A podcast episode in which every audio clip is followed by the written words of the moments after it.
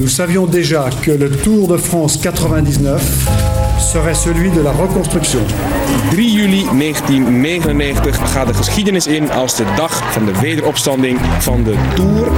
Als deze Tour de France de verkeerde kant op gaat, opnieuw schandalen en, en al dat soort dingen. Lance Armstrong has made a magical return to the Tour de France.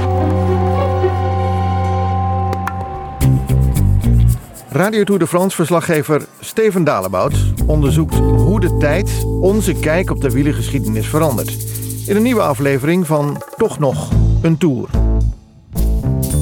De etappe naar Sestriere was de eerste bergrit in die Tour van 99.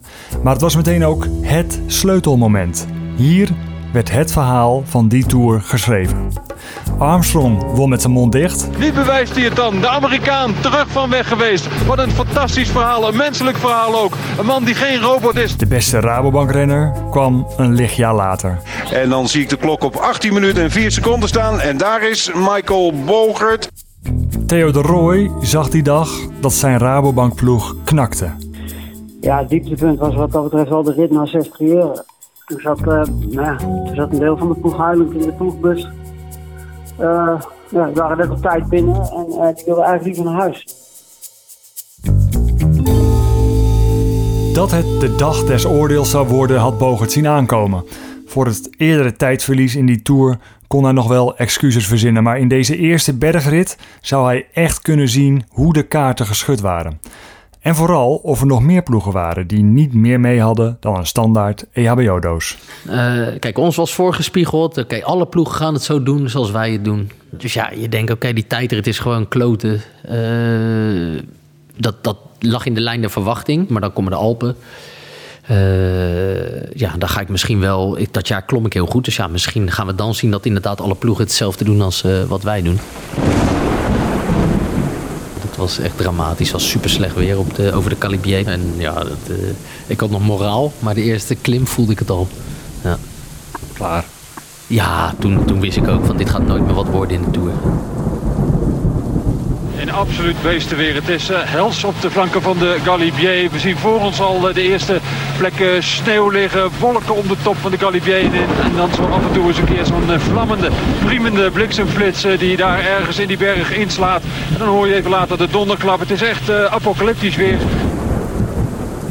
Wat gaat absoluut niet goed met Michael Bogen. Je ziet hem ook een beetje paniekerig uit die ogen kijken van jongens, het gaat niet lekker. Eenmaal over de streep weet Bogert niet waar hij het zoeken moet. Ja, Michael die uh, draait zich woedend om.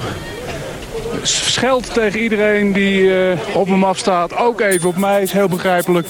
En rijdt terug naar de bus. In die bus vloeien die dag dus de tranen. Er is maar één conclusie mogelijk. Ik ben niet goed in vorm, ja. Het, het, het lukt gewoon niet, dus ik heb een uh, tour gestaan.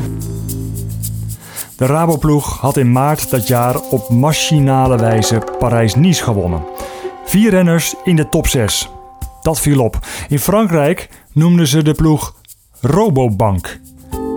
Michael Bogert won en Lance Armstrong werd in die editie van Parijs-Nice 66ste. Nu, in de Tour, vloeiden er tranen bij Rabobank en champagne bij US Postal. De rollen waren omgedraaid. Wat Bogert me daarna vertelt, is toch wel opmerkelijk. In april dat jaar had hij de Amsterdam Gold Race gewonnen door Lance Armstrong op de streep te verslaan. Armstrong wist toen al wat er in juli zou gaan gebeuren. Uh, over bizarre dingen in mijn carrière gesproken. Het, meest bizarre was wat hij na de Amstel tegen mij zei in, uh, op het podium. Weet je wat, ik had niet op kop gereden, dus ik had niet gewonnen. En Armstrong zegt gewoon, uh, ik zeg ja, je wilde niet met mij in de slag, weet je. Want uh, we hadden kunnen afspreken de winnaar betaald, maar dat wou hij niet. Ik zeg ja, sorry. Hij zegt nou, Boogie, I know you're not a flicker, but uh, you pay me back in July. Dus toen wist hij al dat hij goed ging zijn in, in de Tour.